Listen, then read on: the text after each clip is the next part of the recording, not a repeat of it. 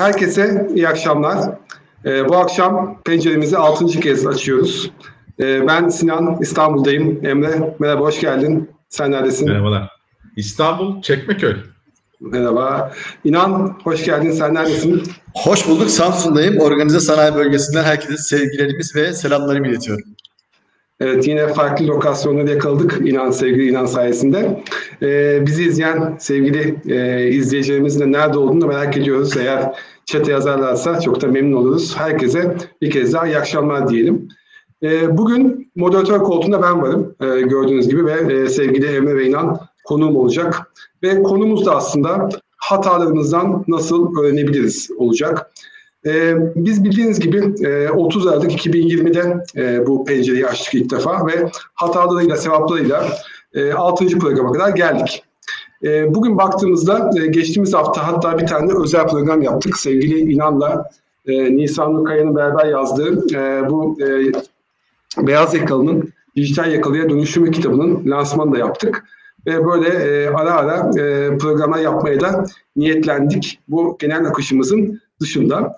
Başka neler yaptık? Ee, YouTube kanalımızda bir topluluk sekmesi açıldı. Orada bir anket düzenledik. İlk yaptığımız 5 program içerisinde en çok beğendiğinizi e, seçmeniz için size bir soru sorduk. E, ileride bu topluluk e, sekmesini e, burada konuşacağımız konuların e, seçiminde belirlenmesi aşamasını kullanmaya e, niyetlendik. Bugün itibariyle 1250 tane takipçimiz var YouTube kanalımızda. Sadece YouTube'da değil bize bütün sosyal mecralarda takip eden ve bize cesaret veren herkese bir kez daha teşekkür ediyoruz.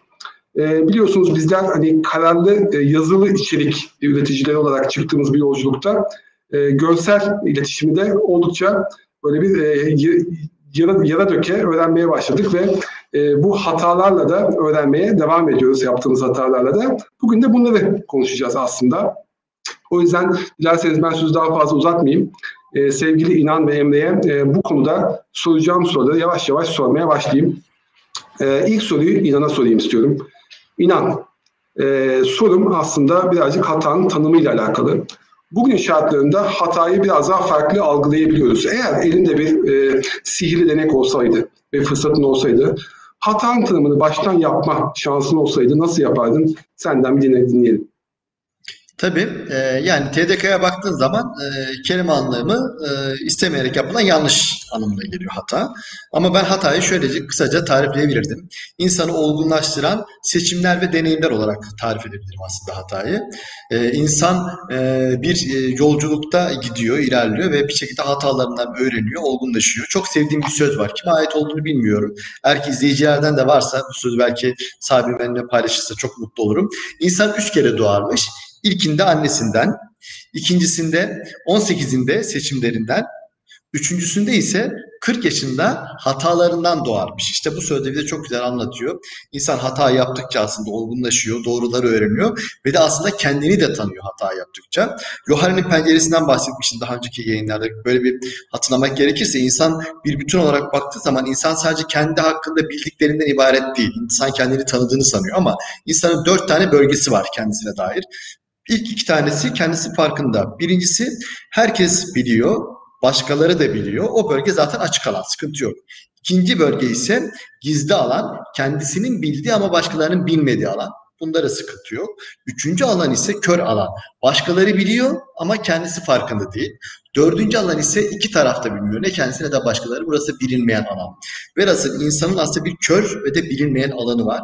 Bu alanları bir şekilde tanıması hata yaparak mümkün. Çünkü bir şey deniyorsunuz. O deneyimleyi sonunda neler yapabildiğinizi görüyorsunuz. Nelerden keyif aldığınızı bir şekilde görüyorsunuz, anlamlandırıyorsunuz.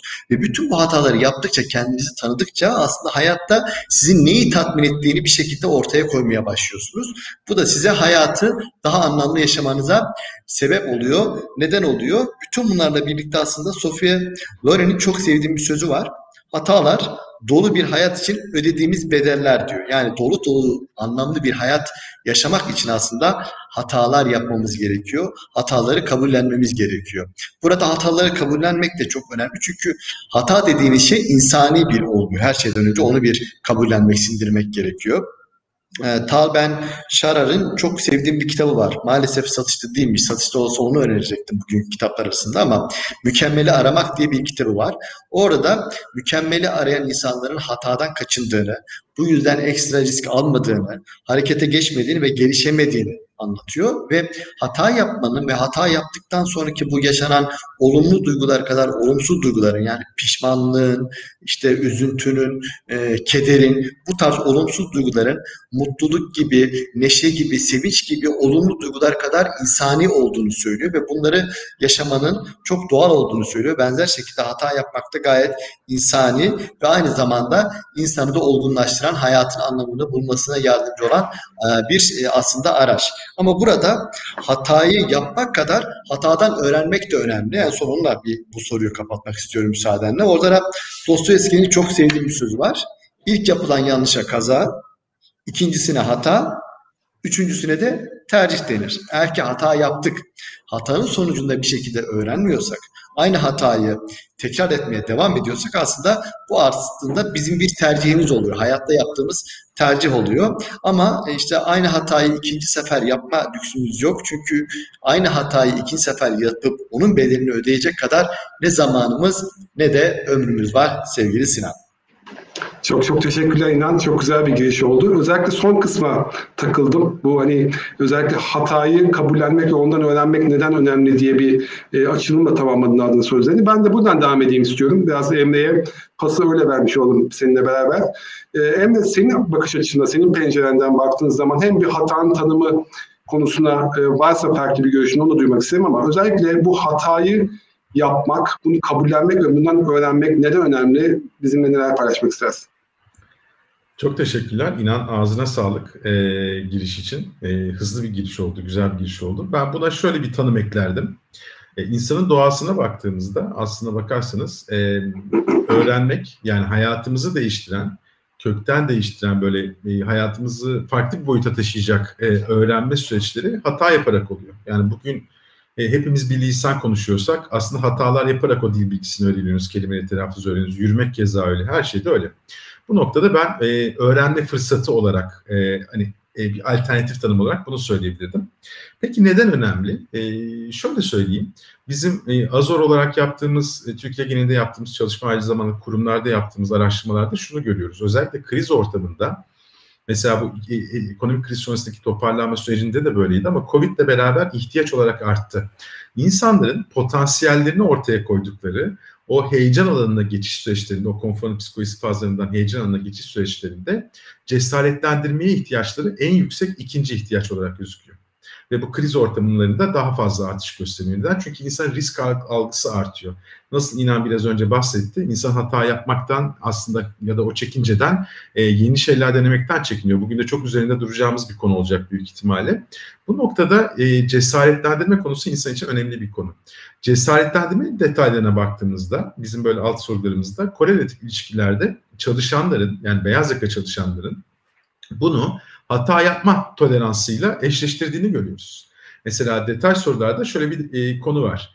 Bir e, çalışana bir sorduğumuzda cesaretlenmesi için neden önemli vesaire. Orada şu e, ön plana çıkıyor. Kurumum benden yeni şeyler üretmemi, yeni e, işte adımlar atmamı, yeni şeyler keşfetmemi bekliyor derken aslında hata toleransında desteklemesini beklediğini görüyoruz. Korelasyondaki güçlü ilişki bu anlamı geliyor aslında bakarsanız. Bu da aslında e, insanın e, bu hatalarından öğrenme, yeni şeyler denerken hata yapma potansiyelini e, biraz daha altın çiziyor. E, insan küçük yaşlarında daha rahat hata yapıyor. Hata yapmak da ayıp değil belki, değil mi?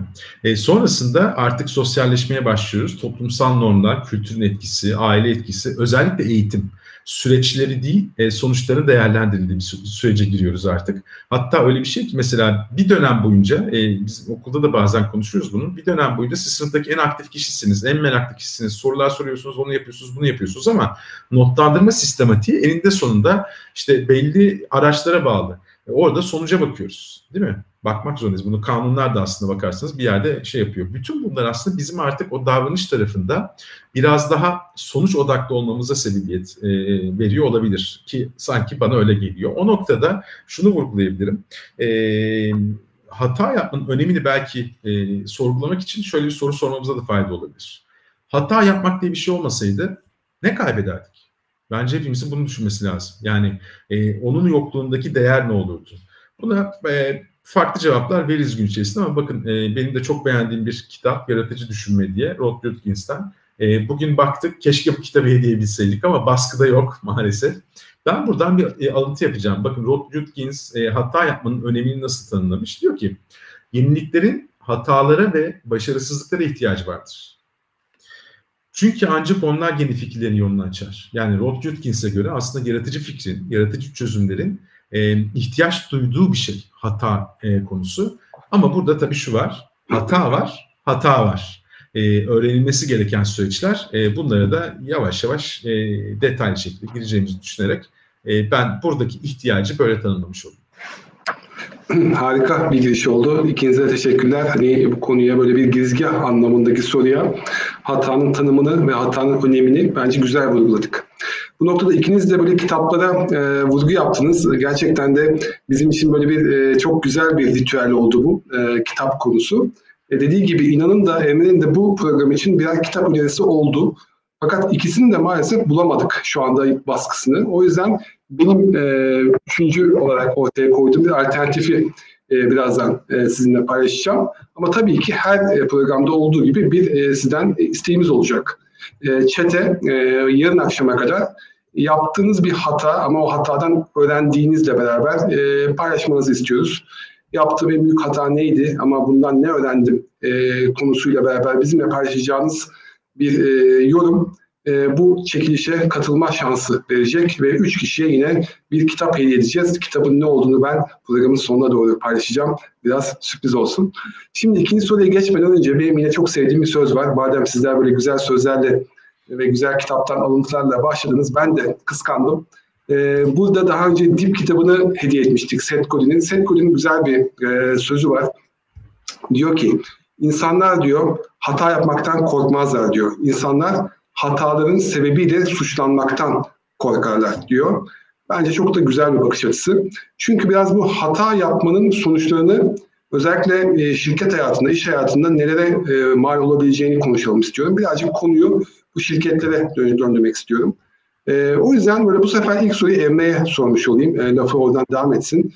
Diyeyim ki Emre'ye, yani özellikle bu hata yapma kültürünü bir şirket penceresinden baktığımız zaman e, bunu sahiplenen firmalar acaba gerçekten iyi mi yapıyorlar yoksa e, kötü mü yapıyorlar? Ne dersin? E, burada senin görüşlerini çok merak ediyorum.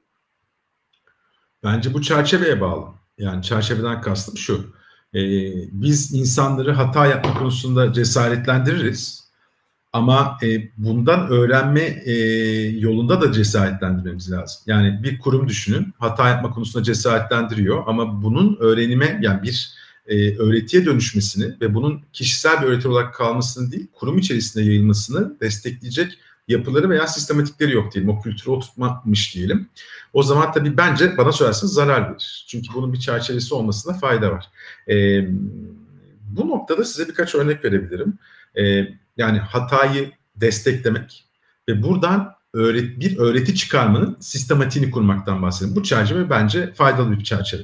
Size birkaç tane örnek vereyim dedim. Birincisi Domino's olsun. Domino's'un e, Patrick Doyle adında efsanevi bir tane e, CEO'su var artık emekli. Mesela o e, içerideki insanların yaratıcılığını desteklemek için bu hata yapmadan çekinme konusunu biraz daha bilimsel ele alıyor. Bilişsel kognitif taraftan ele alıyor ve yaptığı sunumlarda işte yap, verdiği röportajlar şu konular üzerinde duruyor. Diyor ki mesela insanın bir ihmal yanılgısı dediğimiz bir şeyi vardır diyor. Ee, yeni bir adım atarken, yeni bir şey denerken kariyerine zarar gelebileceğini düşünebilir diyor. Bu onu harekete giriş yolunda engeller diyor. Başka bir bakış açısı da şu. E, kayıptan kaçınma eğilimimiz var diyor. İnsanlar olarak. İnsani bir şey olarak var aslında. E, bu da aslında senin dipten aldığın alıntıya destek. E, bunu bilişsel olarak baktığımızda bilimsel bazda bir insanın bir şey kazanma eğilimi göstermeden önce elindekini koruma dürtüsü. Yani bir konfor alanını koruyayım ondan sonra yeni adımlar atayım dürtüsü. Yani önceliklenme tarafında böyle bir tarafımız var diyor. Mesela bu e, Patrick Doyle e, görevi süresince yarattığı bilinçle çok farklı devinimler yarattı kurum içerisinde. Diğer bir yerden mesela Netflix örneği var. E, retesting e, şöyle bir yaklaşımı var. Mesela yapımlarına bakıyorlar ve orada istatistiklere baktığında şunu söylüyor. Bütün neredeyse bütün yapımlarımızdan çok fazla hit alıyoruz arkadaşlar. Bu güzel bir şey ama acaba garantiye mi kaçıyoruz diyor. Yani bizim delist ettiğimiz yapımlarımızın da olması lazım. Yani insanların neyi beğenmediğini de anlamamız lazım. Demek ki hep aynı şeyi yapıyoruz. Burada mesela e, hata yapmayı cesaretlendirme için güzel bir şey ama buradan öğrenme sistematikleri de kuruluyor. E, yanlış hatırlamıyorsam Amazon'un şöyle bir yaklaşımı vardı hata yapma çerçevesi konusunda. Operasyonel işlerde hata yapmak ayrı bir konu. Yenilikçi bir konuda hata yapmak ayrı bir konu. Yani aslına bakarsanız işte e, inanın e, bu lansman gezisinde de Nisa ile beraber ele aldığı konu, kitaplarında da çok güzel yazdığı konu. Gündelik işlerimizde zaten rutin operasyonlarda biz biraz daha otomatize olmaya gideceğiz. Böyle gözüküyor. Bu noktada bizim aslında iyi bildiğimiz şeylerde, dikkatsizlik hataları gibi şeylerden öte e, konuşmamız gereken konu çerçeve belki de yenilikçi süreçlerdeki hatalar e, diyebilirim. E, bu noktada çerçeveye bağlı olduğunu altını çizmiş olayım. E, örneklerle de bunu desteklemiş olayım. Harika örneklerdi. Amazon dedin. Amazon da bana bir şey çağrıştırdı. Hemen inana e, pas vermeden önce onu da ben e, araya söylemiş olayım. E, Amazon'un özellikle e, bu hata yapma kültürünü çok e, önemsediğini ve bu konuda çok da e, aslında dışarıya çok güzel örnekler verdiğinde e, biliyorum. Jeff Bezos'un hatta şöyle bir sözü var. Amazon hata yapmak için çok doğru bir şirkettir sözü. Bunun da böyle bir örneği e, benim bazen eğitimlerde de kullandığım bir örnek oluyor. E, Fire Phone isminde bir telefonu vardı bir zamanlar Amazon'un. Belki aranızda bilenler vardır. E, büyük bir aslında başarısızlık örneği olmasına rağmen bir kişinin bile işini kaybetmediği e, yaklaşık bir 170 milyon dolarlık para batırdıkları fakat bundan öğrendikleriyle bugün Amazon Echo ve Alexa'yı ayağa kaldırdıkları bir e, hikayedir. E, merak edenlerin bu hikayeyi incelemesini öneririm. E, çok da güzel bir örnek oldu. E, en son olarak bizimle paylaştığım örnek. Bu örneklerden devam edelim. Örnekler gerçekten de bize e, vizyon katıyor. Tabii ki örnek deyince inan e, aklıma geliyor. E, hem tecrübesiyle hem de yazdığı yeni kitabıyla bu konuda çok fazla odaklandığını da biliyorum. O yüzden sözü bir inana verelim. E, acaba inan bize e, hangi örneklerden bahsedecek ve hata yapma kültürünü içselleş, içselleştiren şirketleri nasıl tanıyacağımız konusunda bize ne gibi e, fikir aktaracak.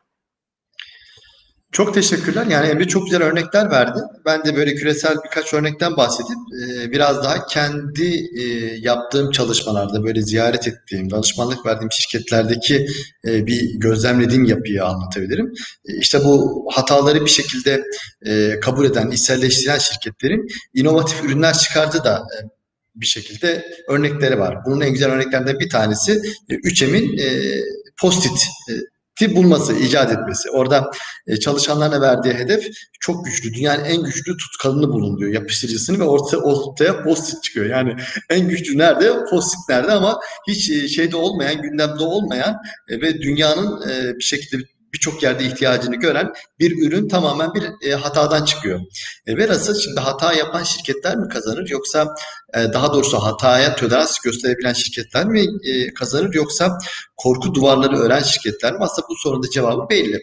E, Sonuçta şirketlerde çalışanlar insanlardan oluşuyor ve insanların da karar verirken veya da inovatif e, yaklaşımdan ortaya koyarken e, bir takım girdileri var. İnsanın beyninde üç tane kısım var. İşte ön kısımda, ön lob dediğimiz neokortekste mantık çalışıyor, yaratıcılık burada çalışıyor. Bir kısım var duyguların yönetildiği. Bir de sürüngen beyin var. Bu da tamamen kaç kurtul mekanizması insanın hayatta kalmasını sağlıyor. İnsan bir korku anında veya tedirgin olduğu anda bu neokorteks tamamen devreden çıkıyor. E, sürüngen beyin devreye giriyor ve insana hayatta kalacak şekilde refleks gösteriyor. Eğer ki kurumlar hataya tolerans göstermez ise aslında korku duvarları örüyorlar şirketlerde ve çalışanlar da o yaratıcılıklarını mantıklarıyla, rasyonelleriyle, analizleriyle ortaya koyabilecekleri değerleri bir kenara bırakıp tamamen şirkette kalabilme dürtüsüyle e, et diye süt diye karışmıyorlar. Velhasıl e, aksine bunun e, bir toleransı kabul eden ve hataları e, tolerans edebilen ve de hatalardan öğrenme kültürünü inşa edebilen şirketler çalışanların bu yaratıcılıklarını onların bir şekilde katacağı değerleri de sonuna kadar kullanabiliyorlar.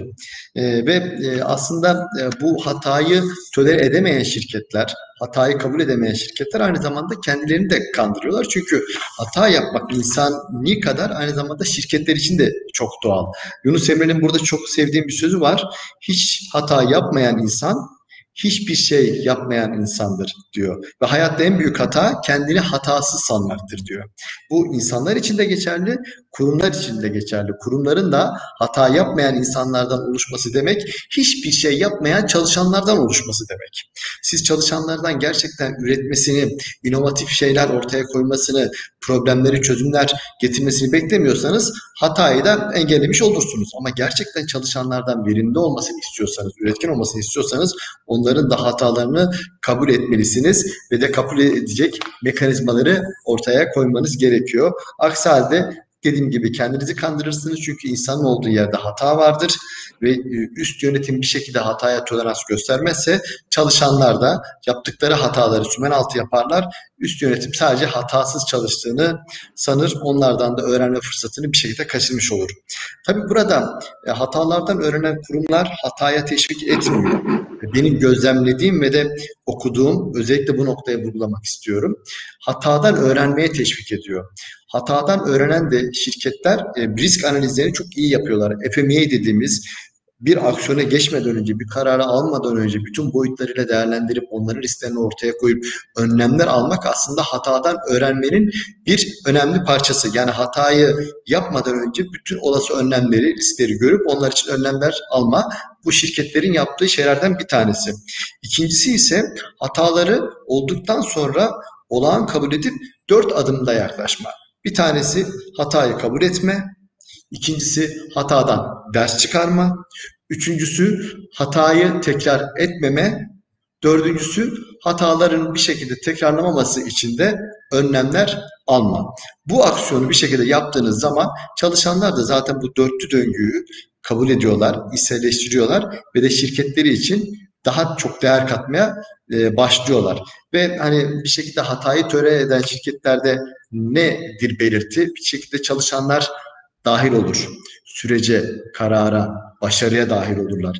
Çalışanların memnuniyeti artar. Ekip çalışmasını teşvik etmiş olursunuz. İnsanlar bir yere girip kendi zihinlerindeki görüşleri dile getirirler ve işte yeni çağın e, inovasyon dediğimiz o geleceğe taşıyan bir köprü var ya şirketleri inovasyonu bir şekilde tetiklemenin, inovatif bir şirket olmanın yolu hatalara karşı tolerans gösterilmekten geçiyor sevgili Sinan. O kadar güzel bir yere getirdin ki e, aslında tam da bana e, pası şöyle verdin.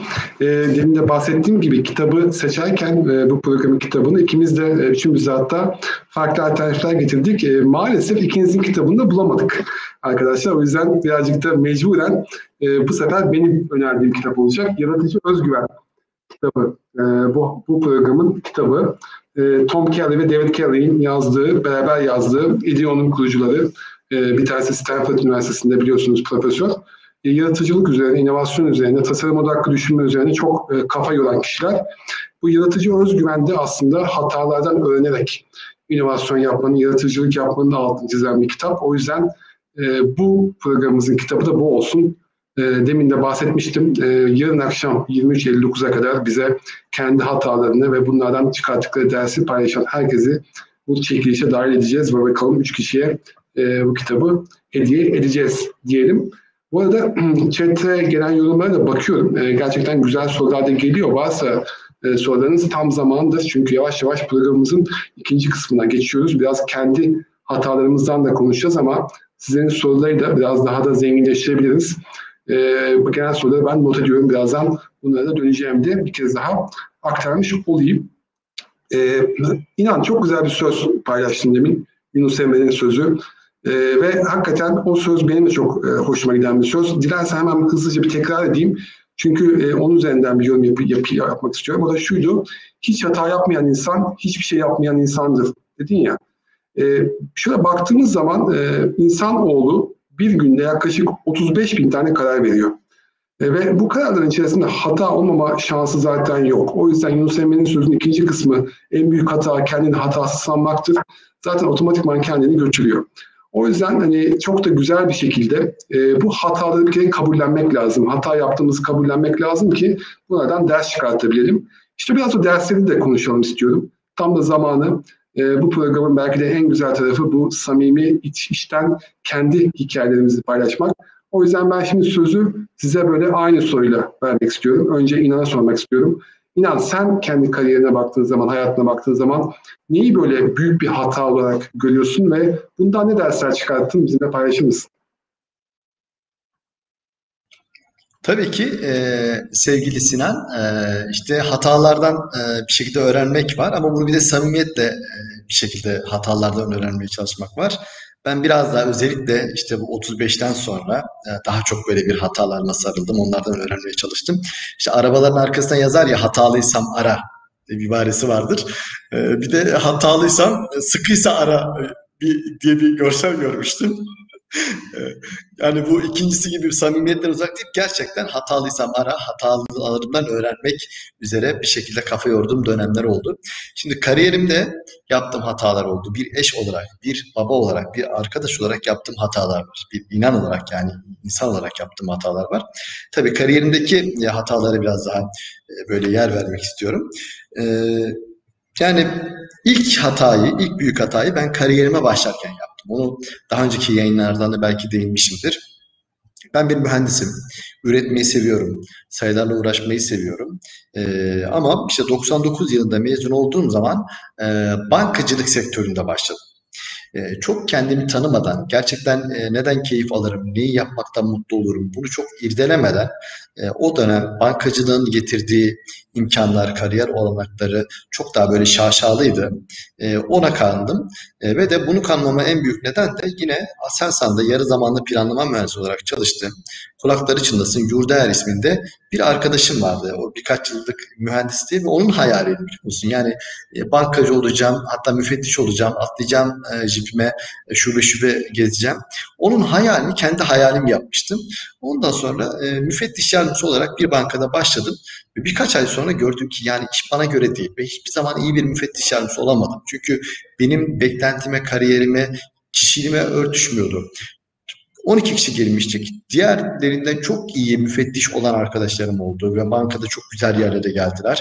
Çünkü onlar aslında aradıklarını bularak girmişlerdi.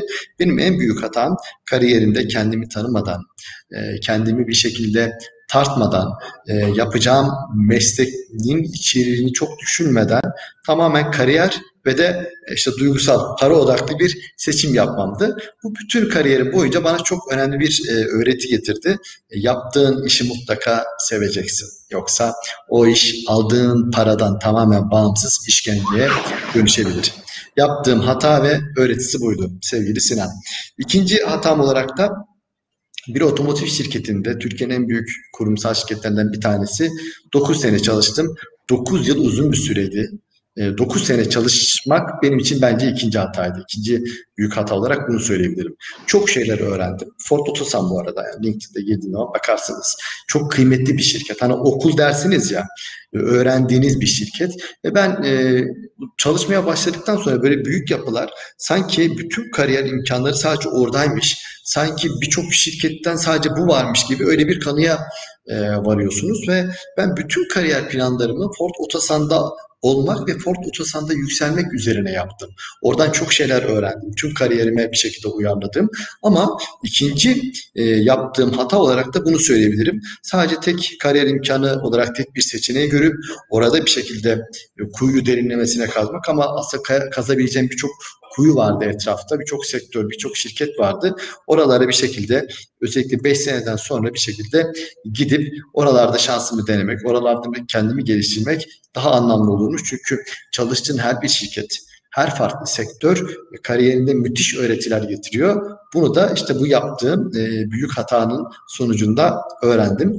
Üçüncü hatam ise e, bir hikaye. E, bir startup kurma fikri vardı. Onu sizde de konuşmamışımdır. Belki bir günde onun detaylarını konuşuruz. E, bir fikir, e, güzel de bir fikir. Ama e, sonradan okudum. E, girişimci kendi fikrine aşık olurmuş.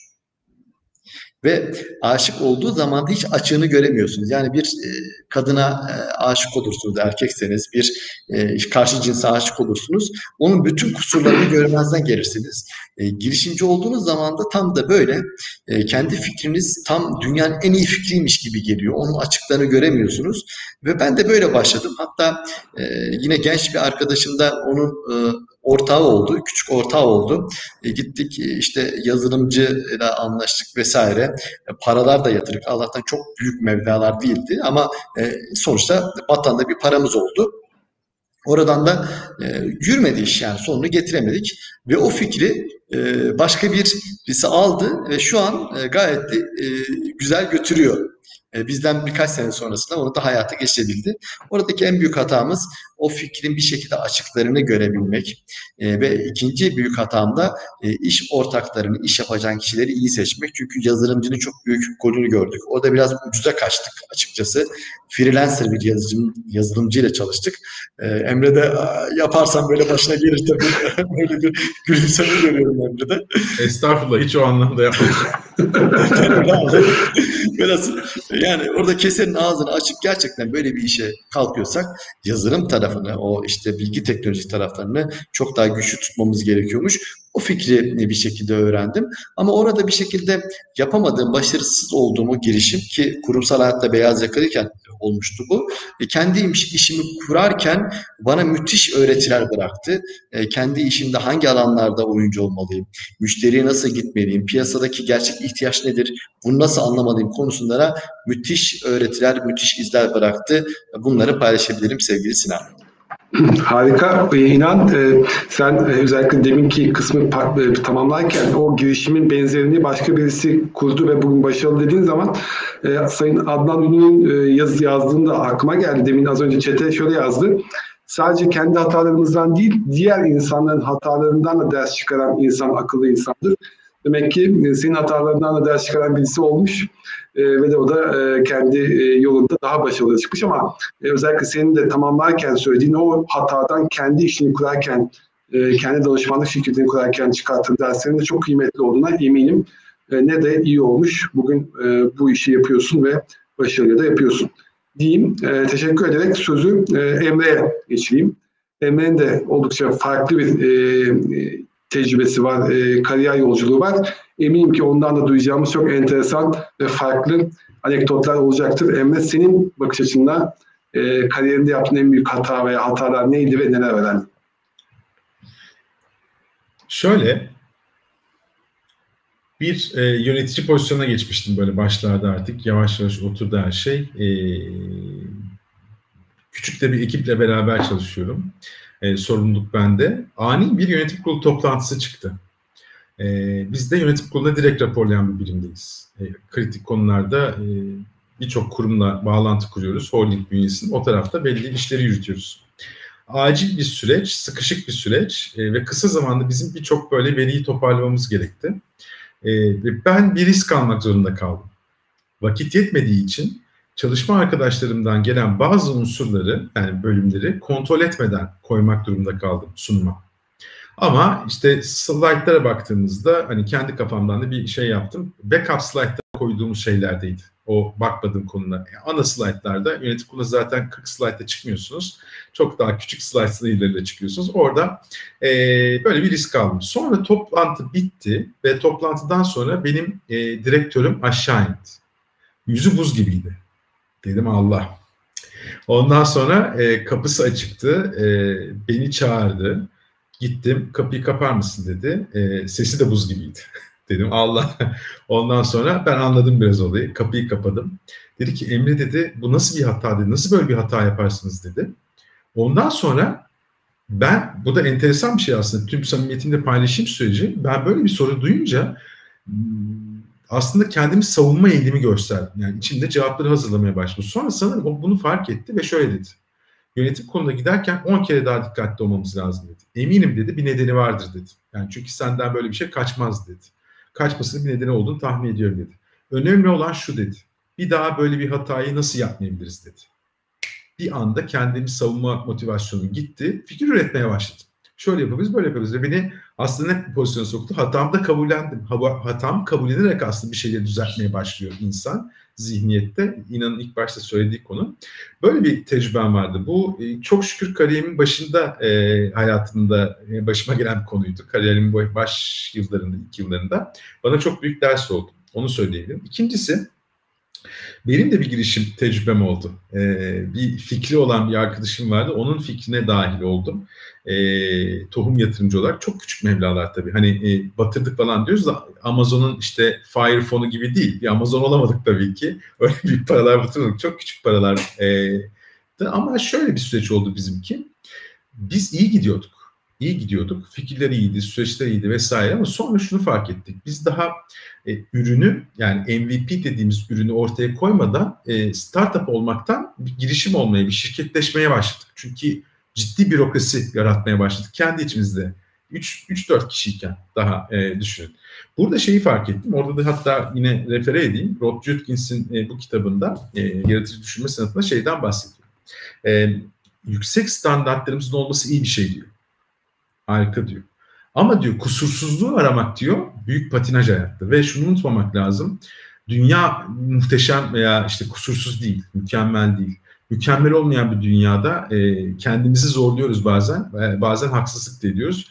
Bu gibi süreçler e, hayallerimizi de aslında bir şekilde harcamamıza sebebiyet, e, sebep oluyor belki de. Biz kendi aramızda bir toplantı yapıp hani bu işin gereğinden fazla uzadığını ve hatalarımız olduğunu e, konuştuk. O toplantıyı sırf hatalardan öğrenmeye harcadık ve sonrasında e, girişimi kapamaya karar verdik. Bu da bir şey. Bir de belki en önemli öğreti şu oldu. Ben maalesef çok sevdiğim, çalıştığım kurumdan rahatsızlanarak ayrıldım. E, ayrılmak durumunda kaldım diyelim. Oradaki problem de hatam da neydi? Ben çalışmak için yaşardım. Ee, arkadaşlarım söylerdi, büyüklerim söylerdi hayat çalışmaktan daha büyüktür diye. Ee, işte bazen olmuyor. Aklınıza girmiyor. Bir kulağınızdan girip bir kulağınızdan çıkıyor. Sonra hayat bir tokat atıyor. Kendinize geliyorsunuz. Çok şükür küçük e, dokunuşlarla o süreci atlatabildim.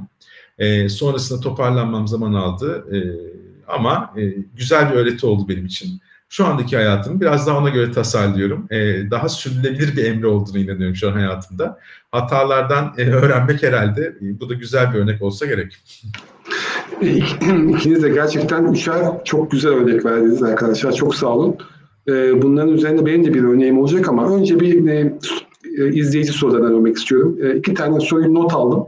E, farklı sorular gelirse onları da yine belki bugün belki de daha sonra cevaplamaya çalışalım ama İki tane sorunu ben en azından şu anda cevaplayabileceğimizi düşünüyorum. İlkini İnan'a e, aktarmak isteyeceğim. Büşra Nur'dan gelen bir soru var. Büşra Nur Hanım e, risk alabilme becerisi nasıl geliştirilir diye bir soru sormuş. Sanıyorum ki risk almayla hata yapma arasındaki o korelasyonu kurgulamış ve e, bu beceriyle hata yapma kültürü arasındaki herhalde o bağlantıyı da düşünmüş diye tahmin ediyorum. Ama e, Suhane senin, söz senin.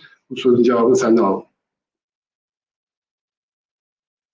Risk alırken e, bir yaklaşımım var e, ve biraz da böyle bir e, rasyonel bakmayı sevdiğim için bana da fayda da geliyor onu paylaşabilirim.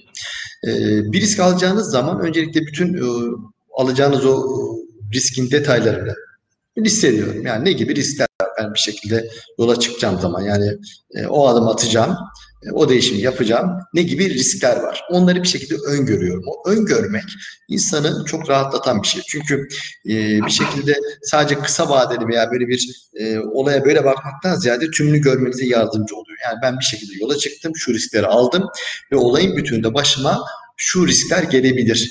Onları öngörmek bir şekilde bu beceri geliştirmek adına çok önemli bir adım. İkincisinde ise her bir riske karşılık ne yapardım? O risk doğdu, karşıma çıktı ve bunu bir şekilde önlemek adına veyahut da bir şekilde karşıma çıktı. Ne yapardım diye alacağım aksiyonu da öngörürdüm. Yani e, yola çıktınız riskleri ve o riskler karşısında alacağınız aksiyonları önden bir şekilde yazıya dökmek. Bu arada zihin değil kesinlikle yazıya dökmek insanın bu becerisini e, geliştiriyor ve risk almasını kolaylaştırıyor. Ben bizzat kendimin deneyimlediğim ve de faydalandığım bir e, çözüm önerisi olarak bunu söyleyebilirim sevgili Sinan. Harika İnan. Çok teşekkür ediyoruz bu güzel cevap için. E, ikinci soruyu da e, Oktay Orhan'dan seçeyim. E, o da biraz bu e, kültürle alakalı sormuş. Kurum kültürünün hata, hata yapma kültürünü oluşturmalı mıdır şeklinde bir sorun da var ama soruyu düzgün bir şekilde okuyayım Emre. Ondan sonra senden bir görüş isteyeceğim. E, hata yapma lüksü biraz da kurum kültürü ile ilintili olduğunu düşünüyorum. Kurum hata yapma kültürünü oluşturmalı mıdır sorusuna nasıl cevap verirsin? Ee, çok teşekkürler e, bu güzel soru için. E, bence bizim tartışmamıza da değer katıyor gerçekten böyle sorular. O yüzden e, Oktay Bey'e özel olarak teşekkür etmek istiyorum. Farklı perspektiflerden yaklaşıyoruz. Mesela sizin sorunuzda dikkatimi çeken bir şey var. E, beraber yüksek sesle düşünerek tartışıyoruz diye düşünüyorum. Hata yapmak bir lüks müdür? Bence değildir. Doğamızda var. Yani bunu bir kabul etmemiz lazım. Ama e, mesela size bahsettiğim o Netflix'teki örnek e, ne yapıyor? E, Reed Hastings işte çok fazla hit alan şeyimiz var. Başarısız yapımımız yok. Yani farklı bir şey denemiyor muyuz diye iteklemeye çalışıyor ekibim. Yani deneyin diyor aslında. Onun orada cesaretlendirdiği konu hata yapma değil. Hata yapmaktan çekinmeyin, yeni şeyler deneyin. Aslında yeni şeyler denemeyi cesaretlendirmeye çalışıyor.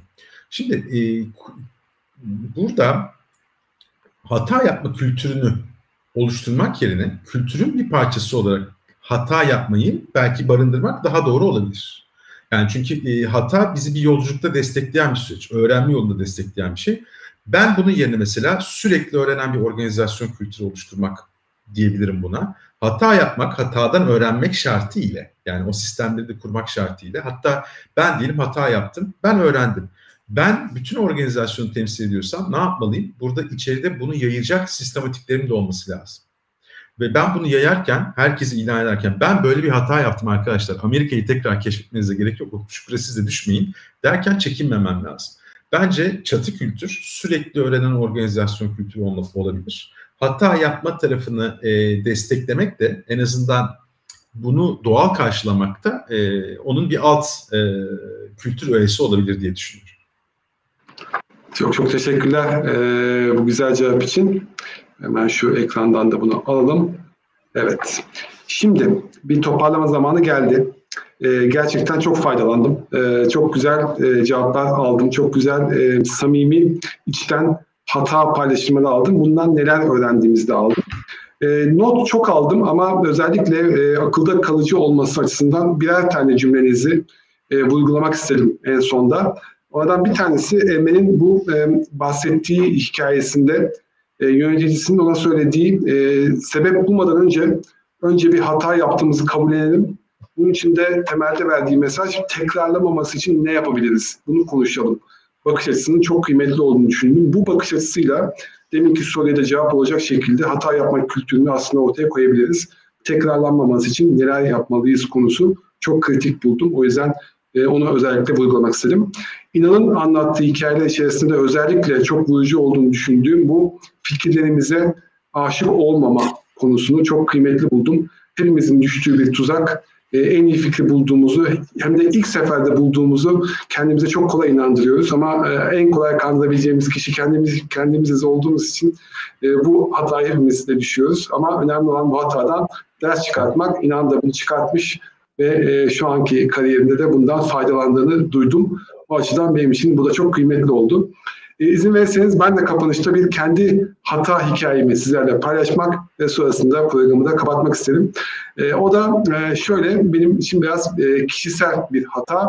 Bugün 10 Mart e, ve benim eşimin doğum günü. E, bu programı bu programı biz biliyorsunuz 30 e, Aralık'ta başlatırken tabii ki bir e, iki haftada bir yapalım hedefiyle çıkmıştık ama ben tabii o zaman hata yaparak iki haftada bir nereye denk geleceğine bakmamışım. E, o yüzden e, bugün eşimin, sevgili eşimin doğum gününe denk geldi bu program. Ben de moderatör koltuğunda olduğum için tabii ki kaçma şansım olmadı ama kendisine bir kez daha teşekkür ediyorum bu güzel e, anlayışı için. E, o yüzden e, onun doğum gününü kutlayarak ve bu hatadan çıkarttığım ders ile bir daha mutlaka takvime daha iyi bakacağımı da vurgulayarak programı kapatmak istedim. Ee, inan Emre ne iyi ettiğinize geldiniz. Bu güzel e, akşamda beraber olduk. Hata yapma kültürünü, hatalarımızdan nasıl öğrenebiliriz konuştuk. Çok çok teşekkür ediyorum e, katıldığınız için ve katkılarınız için. Teşekkür ben teşekkür ederim. Herkese iyi akşamlar. İyi akşamlar. İyi akşamlar.